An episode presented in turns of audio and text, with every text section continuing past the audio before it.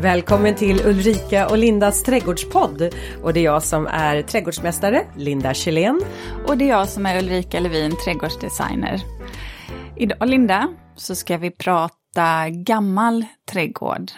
Ska du definiera vad det, vad det innebär? Ja, vi kommer alltså prata om en trädgård som är uppvuxen men nämn, alltså nämnvärt. Det behöver alltså inte vara en historisk trädgård eller en trädgård som är anlagd på liksom 1800-tal, 1900-tal utan en uppvuxen trädgård. Man övertar någon annans trädgård. Ja, och det ska ju handla om hur man kan förändra eh, eller man ska tänka och också ifall man vill förvalta den här trädgården. Ja. Mm. Ja, vad, vad har du pysslat vad, med? Jag är lite snurrig just nu. Jag vet knappt vart jag befinner mig någonstans. Mm. nej, men jag har ju varit ute på resande fot. Eh, ja, först var ju du, alltså både du och jag Ulrika har varit. Vi var ju först uppe i eh, Falun va? På mässa. Och sen, och där livepoddade vi. Det gjorde vi. Mm. Mm. Och sen så åkte vi båda två ner mot Helsingborg. Och eh, där var jag med på Sofiero på Trädgårdsveckorna. Mm. Och det var intensiva dagar var det. Och jag byggde och, en installation i parken, i dammen. Jag tror att en del lyssnare kanske har varit inne och kikat på mitt Instagram vad jag har gjort. Men jag gjorde blommande tavlor i en damm. Jag tyckte de var jag tyckte de var jättevackra. Tyckte du faktiskt. det? Ja. Mm. Du är verkligen sådär ja, men konstnärligt lagd. Man ser ändå tanken där kring, eh, kring dina idéer. Ja. Att det utgår från, från din konstnärliga ådra. Ja, ja jag tyckte det, var coolt. Ja, men så det har jag gjort och sen så kom, kom vi hem här för ett par dagar sedan och då är man ju alldeles snurrig vart man befinner sig. Men du, och du har ju också varit ute och rest.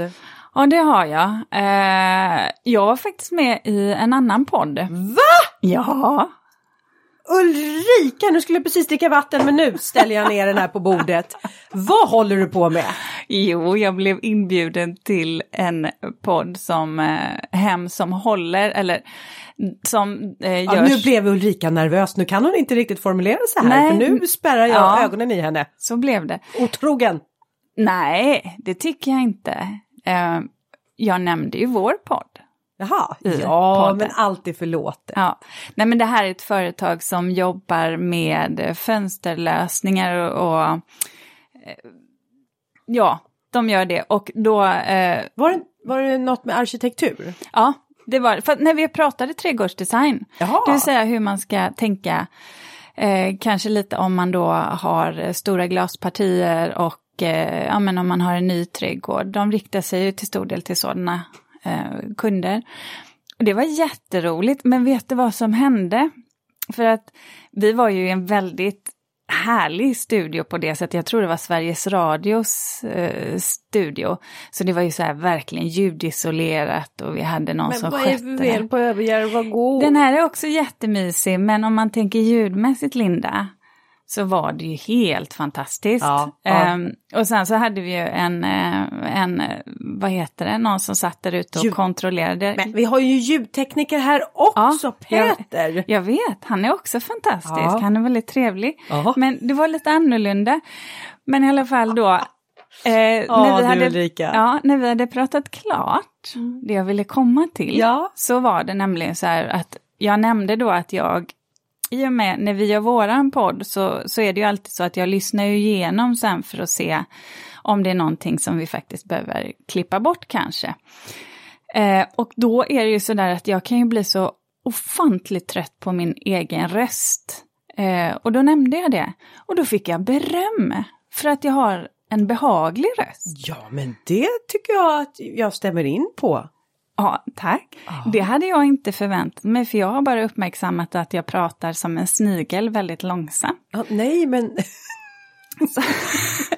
men, Nej, men... men, så tänkte jag Nej. på det, att då sa, då sa en av de här andra deltagarna i podden så att jo, men du har en väldigt lugn och, och behaglig röst. Och så tänkte jag på det, ja men det är ju faktiskt andra som har nämnt också att den är lite sövande. Oh. För de lyssnar ju på vår podd när de ska sova. Och så tänkte jag, ja, Alltså jag är som en kvinnlig John Blund.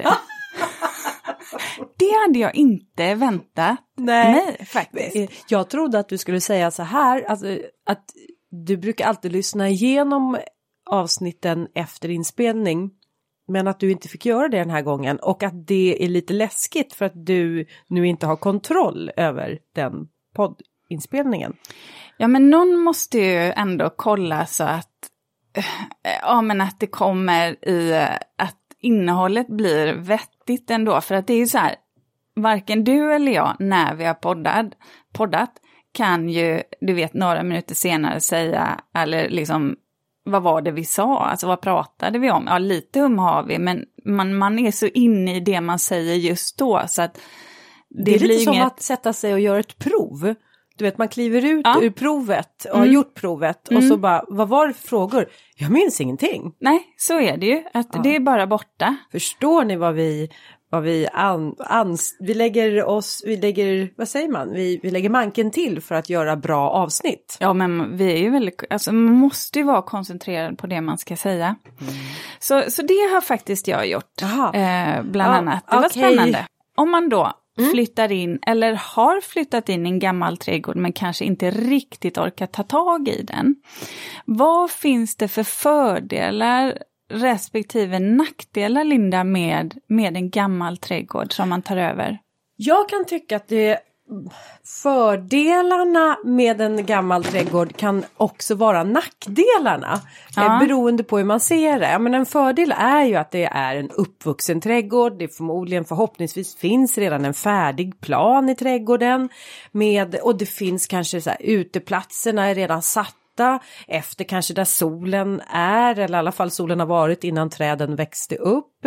Och det kan ju vara en fördel, det kan man ju säga, man bara flyttar in. Men det kan ju också vara så att allt det här som redan finns distraherar en till att kunna tänka i nya banor. Och då blir ju det här uppvuxna då en nackdel.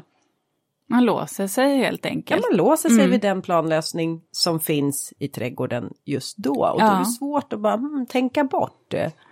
Ja, och en för, ytterligare fördel kan jag också tycka att det många gånger kan finnas eh, vackert material i de hårda materialen att använda som till exempel sten, natursten du vet som har åldrats och fått patina och som man kan återanvända. Det kan ju vara en stor tillgång också. Ja, och det där är väl jättebra att man inte bara äh, tar upp plattorna och sen så lägger de på hög och så ersätter man med eh, andra plattor bara för att man ska göra någonting nytt i trädgården utan som du säger, återanvänd de plattorna som man har. Förstå vad läckert med tidens tand och det med väderbitna och, och fått mossa, mossa kanske på sig. Mm. Det är något helt annat än att det bara lyser liksom. Sen finns det ju vissa plattor, gamla betongplattor som kanske inte är så superpopulära. Som betongstenarna med dansk sjösten. Det är inte en jättestor efterfrågan på dem kan jag säga. Nej men de tänker ändå att man skulle kunna lägga i något ett litet annorlunda mönster eller på något sätt få till ändå. Alltså. Nej men vet du vad du kan göra? Nej. Du kan faktiskt också vända dem upp och ner på. Ofta så är det oh. ganska schysst betong under beroende Smart. lite på hur de ser ut. Nej fasken, den där hade, repliken hade jag velat haft. Ja. Det var konstnärligt. Ja. Ja. Lägg den upp och ner istället. Gud ja. vad bra, hörde mm. ni det nu? Det där ska vi komma ihåg. Och det kan ju ändå vara så där att man har ytor där man faktiskt inte behöver ha, där man vill ha det hårdgjort eh, men där, som kanske inte är så himla visuella och då kan man ju faktiskt återanvända den typen av, av plattor, för de kommer ändå fylla sin funktion. Sen är det ju så här, tycker jag, att när jag kommer ut och tittar på, på gamla uppvuxna trädgårdar så kan det ju skilja sig åt en del, för att en del har ju precis som du säger, saker och ting har fått växa sig för stort utan tanke. Det kan vara frösådda träd som står helt fel.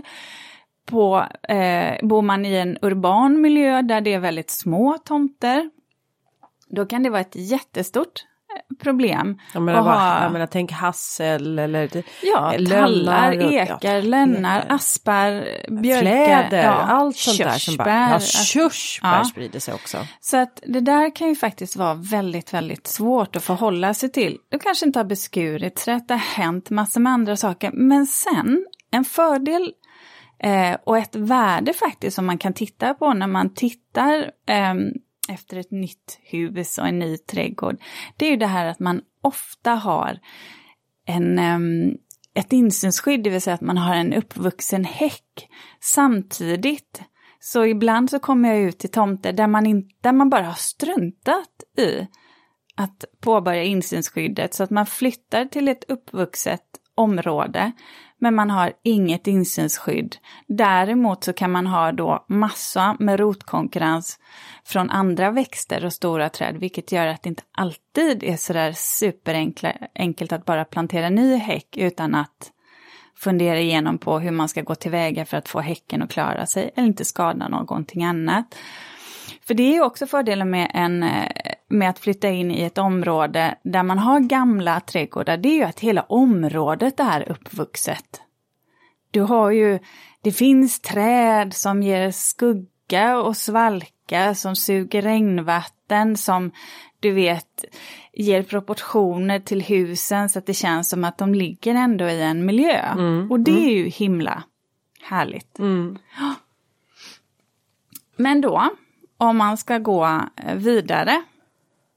Så här, om du då tänker eh, dig att man nu kommer till en gammal trädgård, vad är första steget som du skulle göra? Mm. Jag, eh, jag, faktum är att jag skulle ta det lugnt.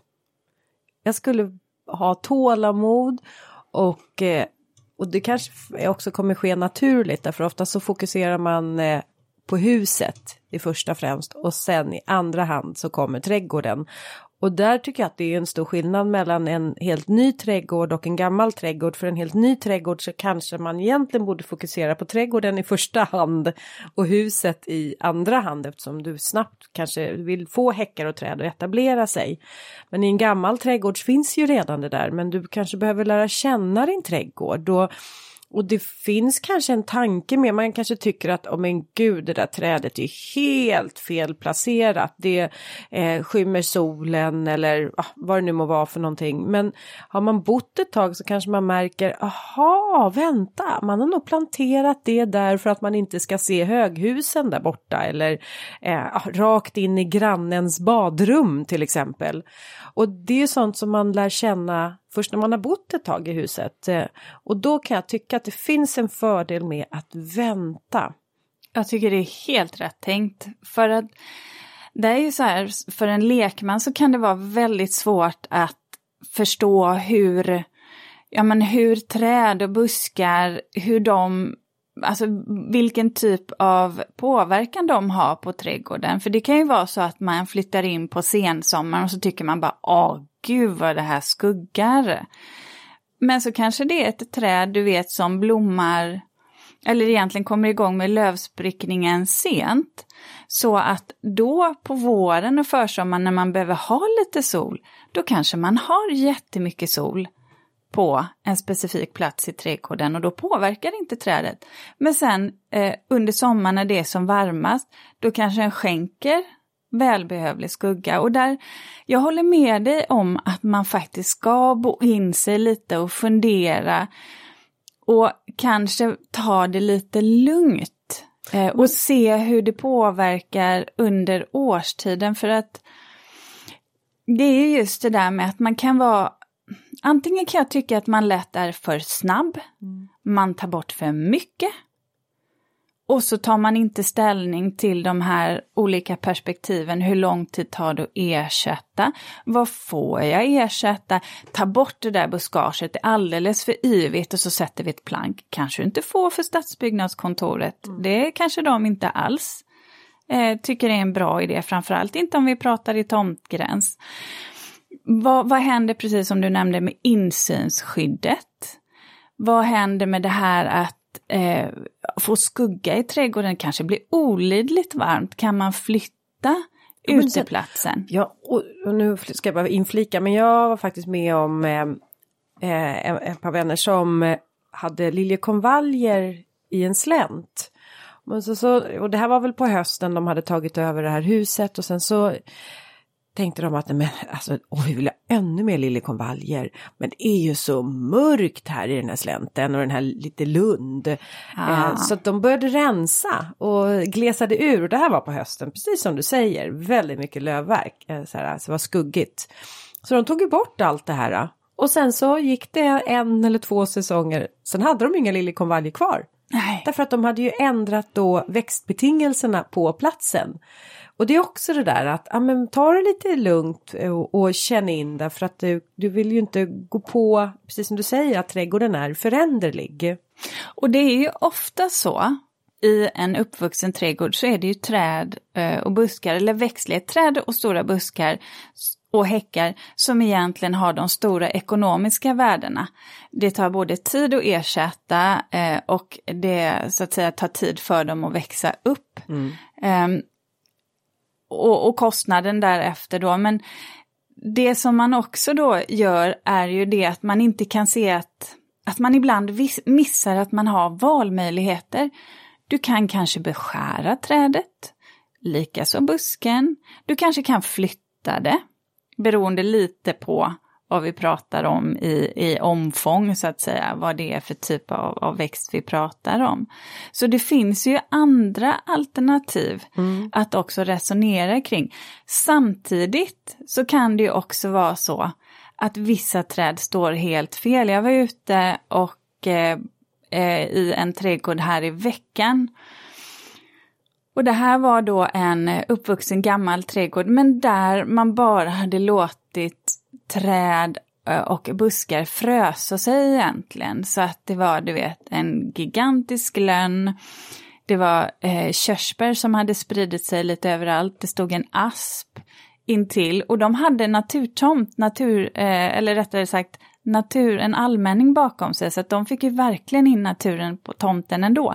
Samtidigt var det ju en väldigt liten tomt, kanske om 600 kvadratmeter, så ni vet en gigantisk lönn gör ju att det blir ganska mörkt. Och samtidigt då så märkte jag att tidigare ägare hade ju gjort en ganska rejäl uppfyllnad på både ett av körsbärna och lönnen var på ena körsbär, eller körsbäret mådde inte bra, det blödde, det hade inget lövverk döda grenar. Så där kände jag att... Så uppfyllnad, man hade alltså fyllt man hade på lagt jord på mot jord. stammen? Man hade höjt ja. marken och det här är ju någonting som man måste tänka på.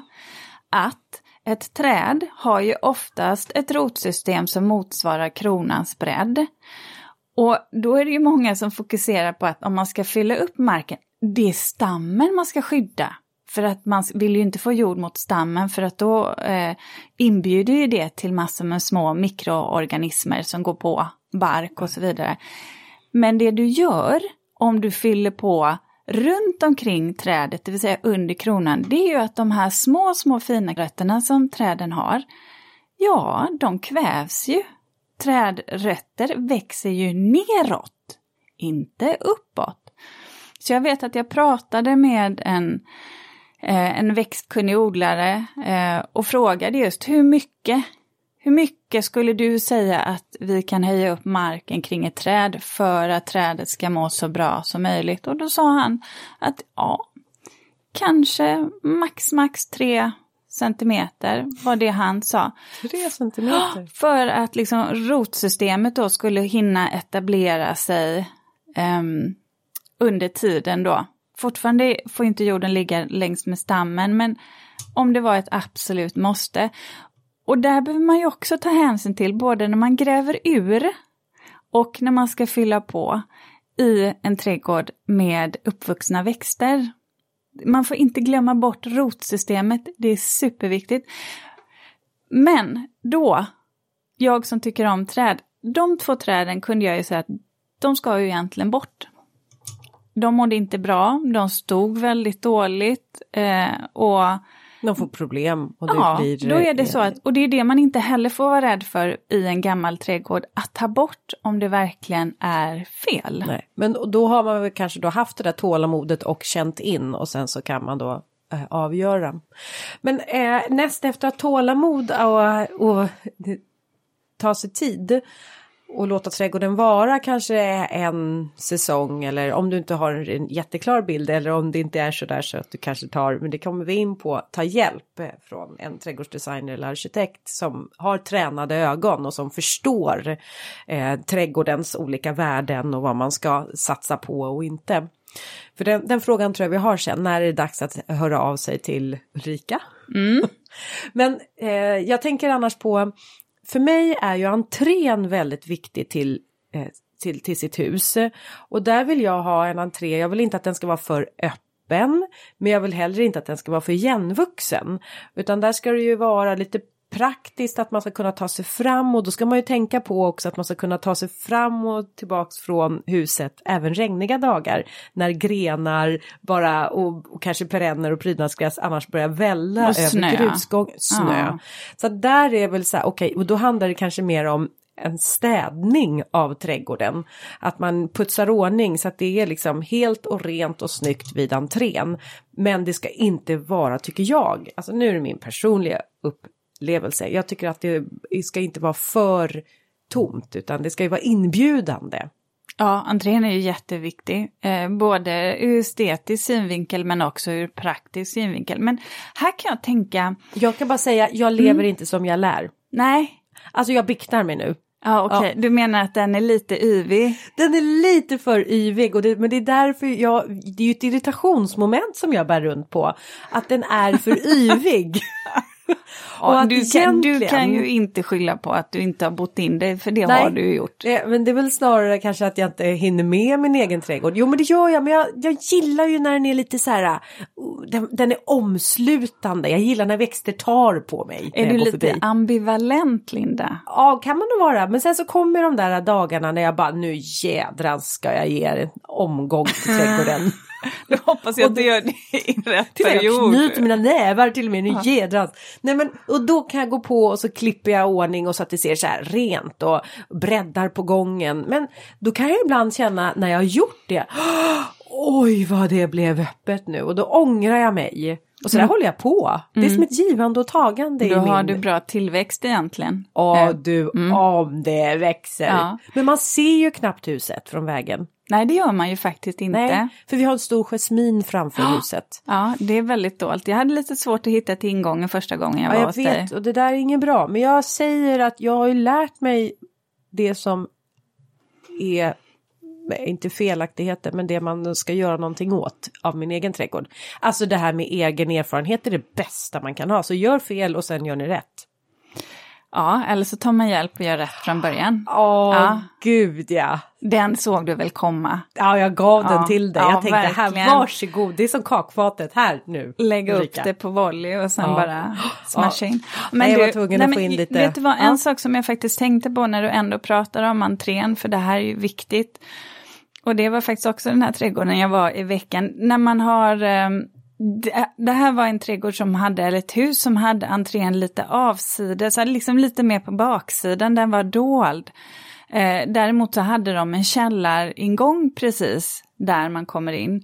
Och det här blir väldigt viktigt för då ska man ju, då måste man tänka till, hur leder jag människor till entrén när det inte är naturligt? Och då kanske man får tänka på att den här källaringången för att den inte ska misstänkas för att vara huvudentré så behöver man kanske göra den så diskret och enkel. Inte hålla på och puttinuttra. Ingen ring ringklocka därpå? Nej, och kanske inga kanske... krukor och sådär. för det man, nej, det man, ja, man kan jobba med ljussättning och leda ja, jag folk. Säga det. Släck lampan där. Ja. Ja, den ska ju ändå vara Fast släckt den kanske, Ja, men mm. den kanske måste vara på för att man, om man använder den, om man själv använder den som ingång hela tiden. Men Fast det är inget bra att gå in genom grova entrén, det där kommer vi in på Ulrika, det är för en tjejer där, det är dålig energi i det. Man ska gå in genom fina entrén, du är värd det. Ja, fast det där, äh, nej. Jo. Med fyra barn Linda, så och efter in... otaliga trädgårdar, jag håller inte med. Jo, men när barnen har vuxit upp lite då är de välkomna in genom finanentrén. Då ska man ju hitta dit. Och det, min poäng ja. var ju att man får göra den där eh, källargången lite mer intressant. Sen kan man visuellt jobba, eh, jobba lite faktiskt med sådana här saker som man kopplar till en huvudentré, att man ser att ja, du kanske har lite ljussättning eh, på gången som är mot din huvudentré. Du kanske hittar något ställe där du har en liten större kruka eller någonting så att man ändå, du ska vara lite så här, ja men det där är nog inte huvudentrén. Utan jag, ja, det känns rätt att fortsätta, så man kan faktiskt jobba med det här visuella en hel del. Men Ja. ja. ska vi återgå till ja, eh, gammal, gammal trädgård. trädgård? För då måste jag ställa frågan till dig. Om jag nu sa att jag tycker att tiden är en av de viktigaste aspekterna, att ta det lite tid innan man gör någonting. Så undrar jag, vad säger du? Ja, jag tycker det är rätt att fundera. Vill man ha hjälp redan från början och inte är kunnig eh, så tycker jag att man ska ta den hjälpen för att en sån som jag mm.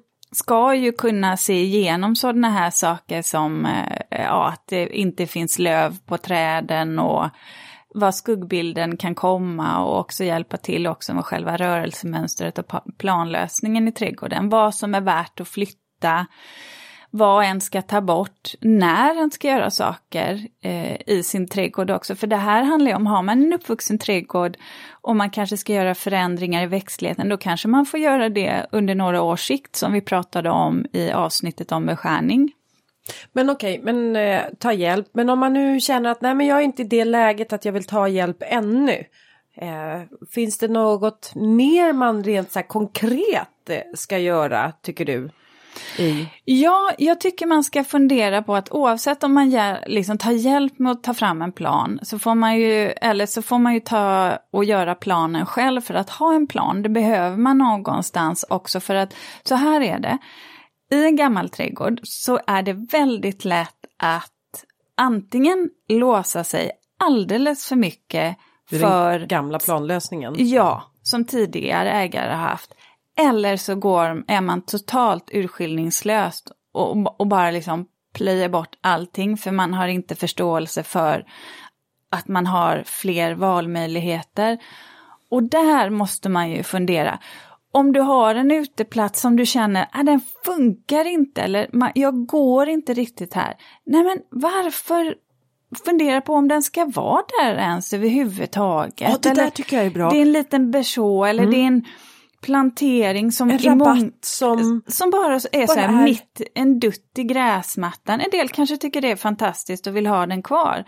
Men ibland så kan man ju inte låta sådana saker styra hela planlösningen. För det kan Våga ju bli... lägga igen en rabatt. Ja, alltså man, man måste både kunna gasa och bromsa men jag mm. tycker att det är viktigt att man har tänkt till varför man gör det. Ja, den frågan ska man väl alltid eh, ställa sig. Ja. Eh, och, ja. ja. Och, men ehm, Ja, och sen så tänker jag också på att, nej nu vänta, nu tappade jag tråden. Det var någonting viktigt med det där, våga gasa och bromsa. Ja, ja men... Jo, men jo, vad jag mm. tänker är så här, när det gäller en gammal trädgård som man övertar, precis som i huset, så tycker jag att det som är dit man vill nå, det är ju att man vill komma till att göra trädgården personlig för dig och dina behov. Men mm. är ditt personliga uttryck, sådär, är du, har du tagit över en trädgård som är full av massor med blomster och, och så här yvigt, men du kanske är mer av en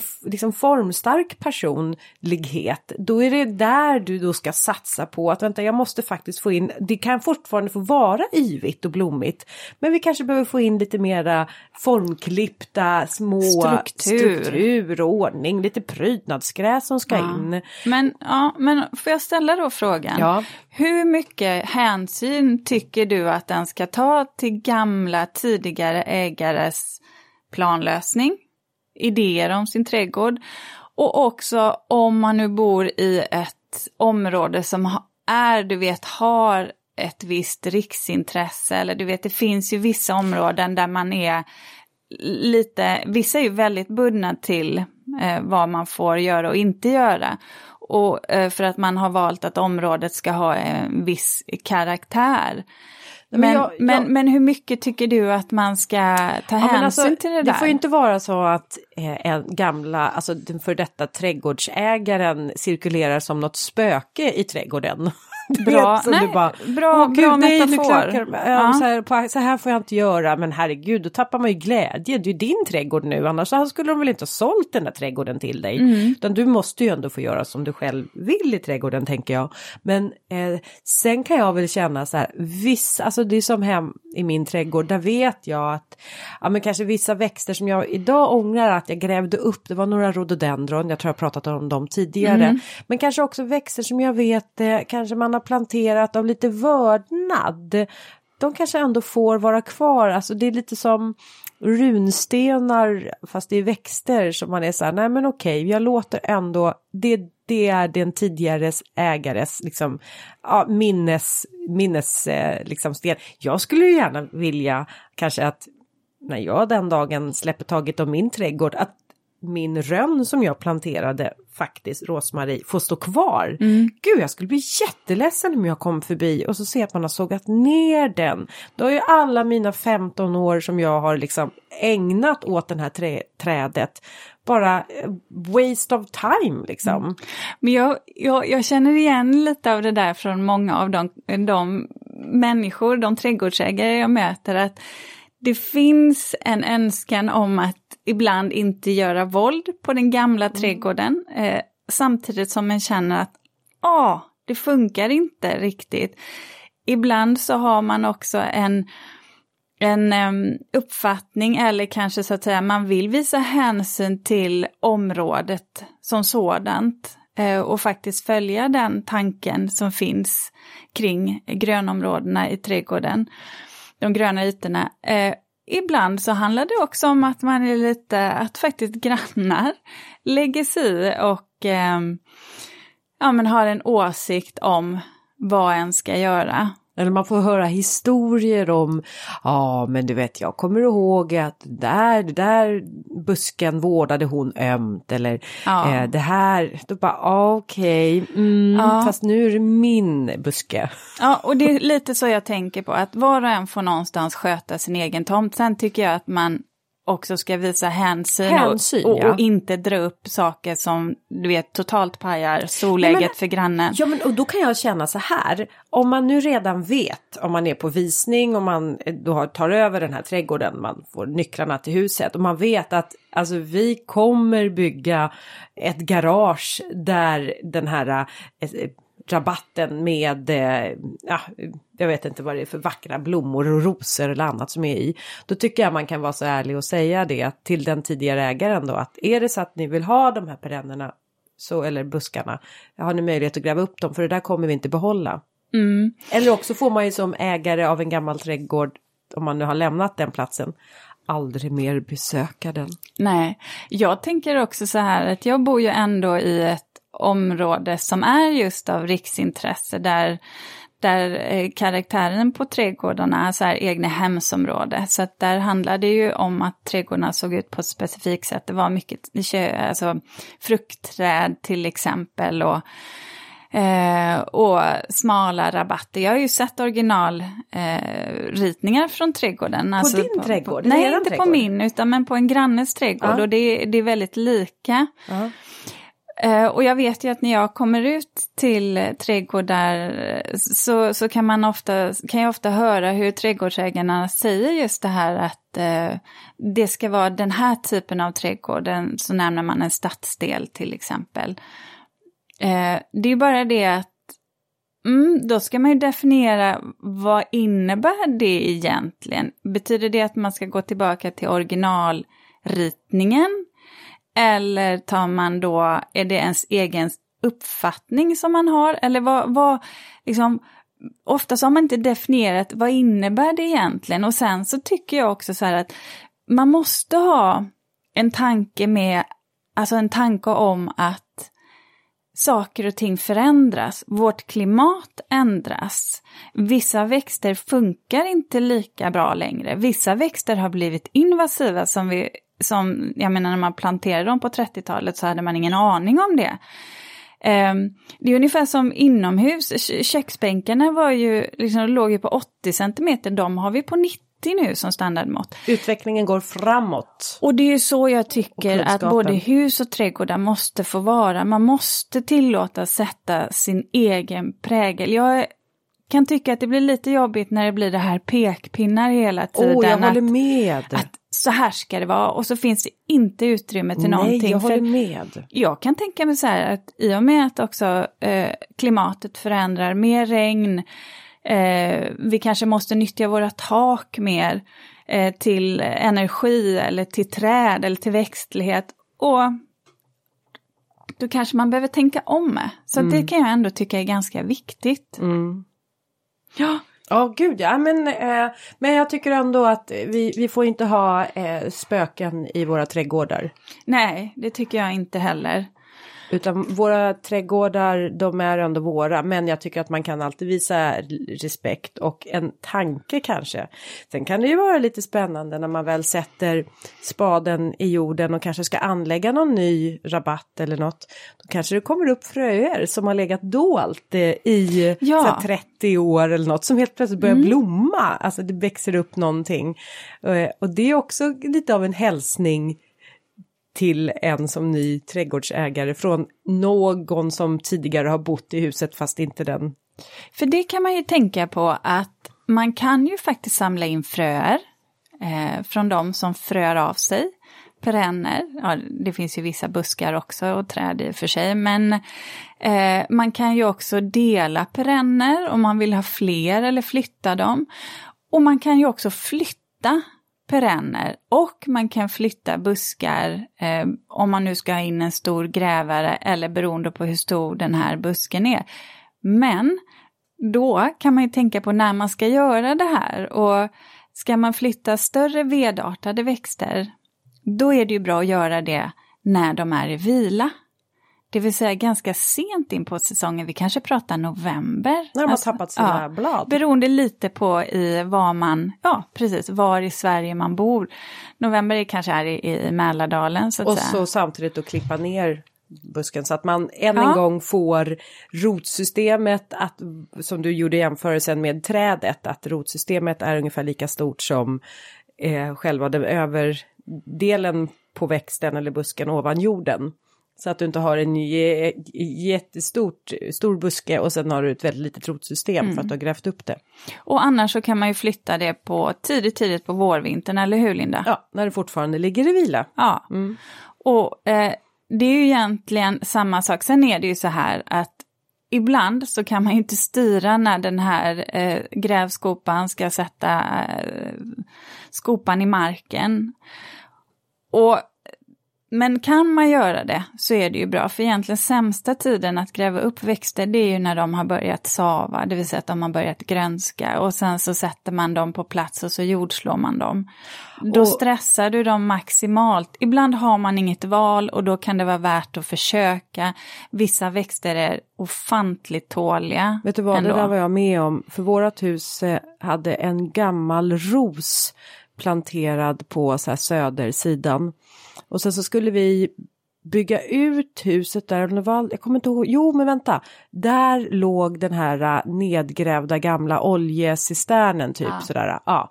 Och vi skulle ju ändra uppvärmning på huset och ta bort den här äh, oljeuppvärmningen så att den här skulle ju då bort då, det skulle och då var inte jag hemma när det här skulle ske och den här rosen som är planterad då vid den här sidan på huset grävs upp. Och jag kommer hem, det var under den tiden jag jobbade som flygvärdinna, så jag kommer väl hem fem dagar senare och den är helt snus, den är ju helt torr. Mm. Det gick inte att rädda. Nej. Och sen efteråt så satt jag och tittade på bilder som jag fick av tidigare ägare på huset från så här när huset var ganska nybyggt och då såg jag den här lilla rosen var planterad där som ungplanta. Och nu låg den intorkad så Ett lik? Ja, i trädgården. Och det där gjorde mig så ont och jag tänker fortfarande på den där rosen. Att, åh, att jag inte hade kunnat rädda den. Ja. Jag är så nyfiken på vad det var för ros också. För ja. jag fick aldrig se den blomma för nej, det här var nej. ju på våren. Ja. Fattar. Så att det där var, ja, mm. än en gång, mm, försök att ta hand om dem. Ja, sen tänkte jag faktiskt på en sak som, som ofta möter mig i gamla trädgårdar. Det är ju det att saker och ting har fått ta över, som vi pratar om, att vissa, i vissa perenna planteringar så har vissa perenner bara gått bananas och konkurrerat ut alla andra sorter. Men någonting som ofta finns där i också är ju ogräs. I, många gånger flerårigt, ganska eh, ja, invasivt. invasivt ogräs. Eh, då kan jag tycka också att om det är så att man i en gammal trädgård vet med sig om att man ja, kommer börja med vissa delar i trädgården, det vill säga att man kan inte göra alla, eh, alla partier på en gång av budgetskäl eller av tidsskäl. Ja, men om du har en stor yta där du har massor med kirskål till exempel, klipp ner det där. Täck ytan med en eh, svart duk. Och sedan så får den ligga där i två år om du ändå inte ska göra något med ytan. Ska du göra något med den, ja då får du ta till andra grepp helt enkelt. Men, men det kan ju vara ett sätt att så att säga låta tiden ha sin gång och, och låta saker och ting dö mm. under den där duken. Sen får man ju hoppas på att grannarna gör samma sak så att inte de låter kirskålen gå upp i blom och fröså sig. Och, ja, det ja, och sen får man sätta en barriär. Och, ja, nej, ja, men det där med... Det får man leva med. Jag men det är jättebra. Det är jättebra. Ja. ja, och så kan jag säga också så här, kirskål är inte helt negativt nej, heller. det är det inte. För det, det är mat. Mm. Eh, eh näring kan ja, det näring. Om och, du gör gröngödsling. Ja, precis. Eller och jag brukar men... använda det till de här färska bladen, är ju goda att äta. Ja. Mm. Nej, men, och sen så, nej men det tycker jag också och sen så kan jag känna så här, ibland så kanske faktiskt ingenting annat skulle växa på just den platsen. Och då har jag hellre kanske en grön yta än en yta som bara är, är liksom ingenting på. Mm. Mm. Ja, jag har faktiskt fått bort... Ja, det. Eh, men vi hade stora att... partier men där jag har planteringen där har jag inte det längre. Sen har jag faktiskt en yta där jag låter kirskålen få vara just för att jag äter den. Aha. Men sen så är jag lite så här att ja, sen kan jag klippa ner en del av, eh, eh, av själva bladverket där så att det inte får så jädra mycket kraft och energi nästa gång. Nej, det stämmer. Mm. Det stämmer. Mm. Men ofta så är det ju så överhuvudtaget med ogräs. Rensa, rensa, rensa. Ja, och jag kan säga att mina grannar har sjukt mycket kirskål i sina rabatter. Men det, det, eller rabatter ja, på sina trädgårdar. Ja, men, det, men det är faktiskt inga problem. Nej, och sen så är det också, man kan ju också se det positivt. Det kan vara en signalväxt. Det är fuktig och eh, eh, god jord. Ja, bra. Då har jag det på vissa delar. Ja. ja. eh, men du, mm. eh, har du något mer att säga Um, om vad man ska tänka på i en gammal trädgård? Ja, nej men det har jag väl egentligen inte utan jag, jag känner att vi har nog gett, jag blir, jag blir lite nyfiken på att prata också om en ny trädgård. Mm. Hur man gör med det här helt tvärtomläget. Det tycker jag vi gör. Ja. Om något avsnitt eller två. Så vi tar det också hur man ska tänka där. För det är ju det är, ja, det är helt tvärtom där, ja, till helt, viss del. Ja, ja. Och, och, där kan ju då det som är än en gång nackdelar med en ny trädgård eh, vara fördelar. Mm. Så det är mm. en, ja. Men summa kardemumma kan väl ändå vara, tycker jag, att, att vara var varsam, bo in dig. Låt eh, inte spöka i trädgården. Nej, just. Saker som ändå har funnits där och även fast man inser att den här tidigare trädgårdsägaren kanske har lagt ner kärlek på eh, vissa partier. Som, eh, ja men till exempel som jag var i en trädgård här där man hade, den ägare hade gjort någon typ av, det skulle vara någon damm och det här var gjort du vet på 70-tal, 60-70-tal. Där betongen var ganska kass vilket gör att det är alltid den typen av dammar som får sprickor eller som inte funkar sen. Ja, Ville de ha vatten sen, trädgårdsägaren? Det kom de ju fram till att nej, det kanske inte var prio ett. Och när vi hade planerat om den så insåg man också att det var inte ens så de ville ha planlösningen och då försvann lite den tanken med dammen. Får jag säga en sak som jag kan tycka är ett varsamt sätt att eh, ändå, ändå täcka igen på utan att eh, man förstör. Mm. Det är ju om man gör en jämförelse med, du vet på 60-talet då var ju de här gamla dörrarna i bostäderna, de var ju inte tillräckligt, eller det kanske var ännu tidigare, men det var ju inte tillräckligt modernt, det skulle vara släta ytor. Så då istället för att man bara slängde ut de gamla dörrarna så satte man upp eh, skivor på dörrarna så att de här speglarna försvann och så såg de ju ganska moderna ut dörrarna. Eh, så kan jag tänka mig att man kan göra i en trädgård. Att istället för att man då kanske bara slår sönder den där dammen, ja, men så här, fyll den med jord eller fyll igen den. Och sen kan det ju bli så att det blir som en liten arkeologisk utgrävning och så kanske ja, om en, två generationer en dag. Nu tittar du lika på mig som att Linda, det här är helt bananas det mm. du säger. Men ja. då vill jag ändå säga, så Aha. om två generationer framåt då kanske det är någon som sätter spaden och säger men här skulle det ja. vara mysigt om vi hade någonting annat, kanske damm. Ja. Och så sätter de spaden där och så hittar de den här dammen. Och då ja. tänker jag, var, man behöver inte liksom bryta sönder Nej. utan det kanske nu, nu känner jag, Nu känner jag fru fantasi spann loss vet, vet du vad? Det jag kan vända mig mot då, varför jag tittade så på ja. det, det, det är lite sådär för att för mig så kan det där också väldigt lätt bli att det blir en habrovink, att det blir en halv lösning. Ja, jag förstår. Och, väldigt, och, ja. ja. och det vill säga att man tar inte beslut man antingen för... under mattan. Eller, lite sådär, varken, och så blir det så här att mm, inte kanske riktigt optimalt.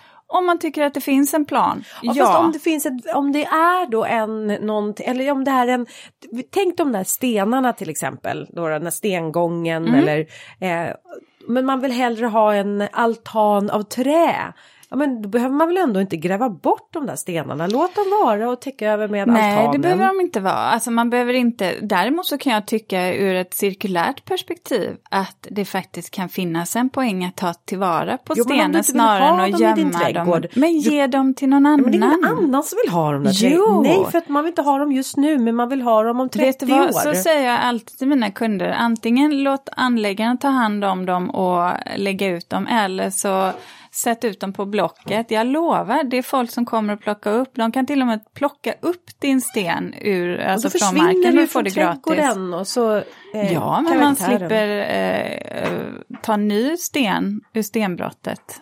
Ja, men nej, men det gör man ju inte. Tänker eh. jag. Man byggde en träaltan. Ja. Nej men ja, alltså okej, okay. ja, nej men en liten bara, du frågade mig, är det någonting mer du vill säga om det här? Ja. Och då dök det upp i mitt huvud. Vet du vad? Fru Fantasi vaknade ja, till liv. Du får, du får absolut nämna det, det var jag som började. Ja. men du, ja.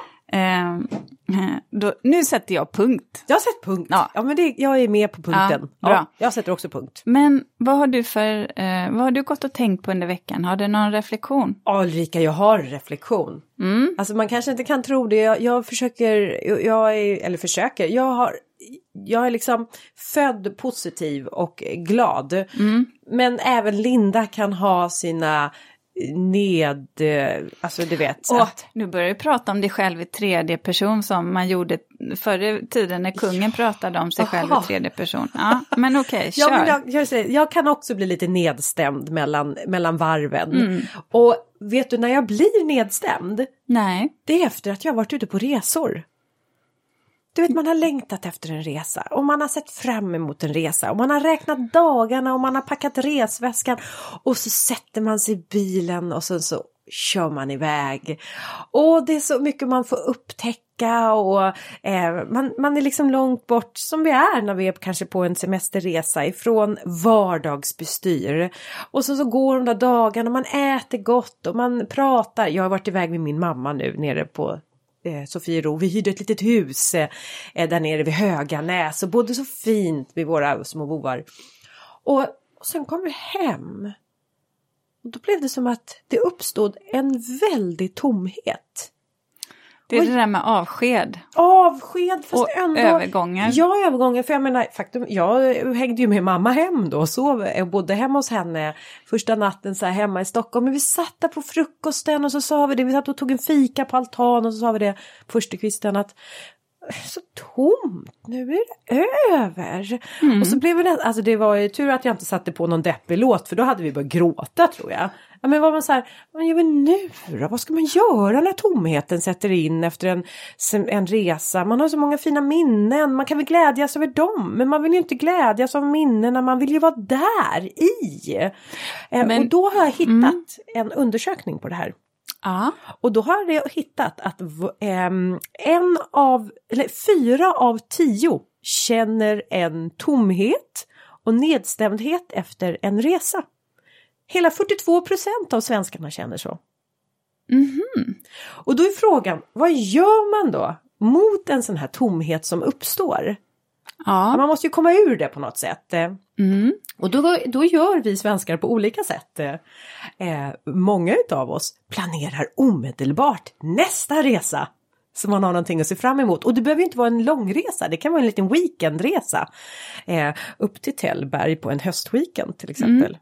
Ja, ja, ja eh, men det kan också vara så här som jag gör. Jag går igenom bilderna från min resa.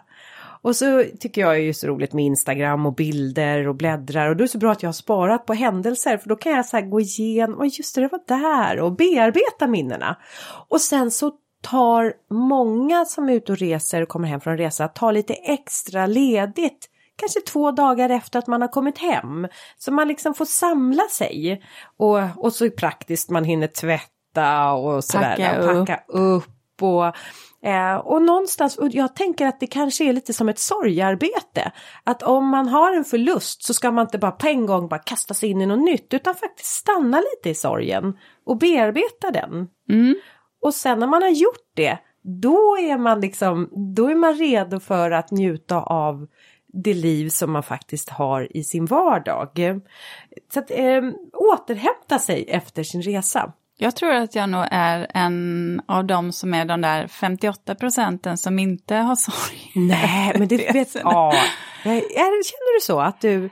Ja, däremot så kan tomhet? jag... Eh, nej, jag känner inte tomhet efter en resa. Om det inte är så just det här att om vi har umgåtts med ja, men familj eller goda vänner sen när jag ska åka, när jag ska skiljas då, då kan jag alltid känna, uppleva den här tomheten, att tiden är slut, men väldigt sällan efter en, en, en, resa med familjen när jag kommer tillbaka till vardagen.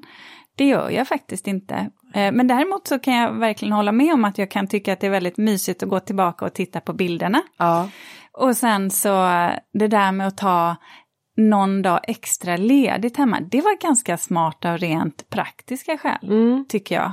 Ja. Ofta så rivstartar jag alltid och det är egentligen Men det är kanske därför du inte upplever nedstämdheten därför att du har det naturligt så tar du hand om dig efter en resa med att du har lagt in någon dag ledig efter resan. Inte bara nu, eh, ja, det är ju det jag inte gör. Men det är Jaha, nog det jag... du gör inte Nej, det? Men Oj, det är nog kommer det. vara ännu bättre Ulrika. Det skulle man ju göra. Jag kanske går all in för jobb istället så att jag, jag går tillbaka kanske, till något ja, roligt det, Och det är kanske. därför du inte upplever deppigheten för att du fyller på med någon Jag tankar med något annat ja, helt enkelt. Ja, Okej, okay, ja. jag fattar. Men gör inte det.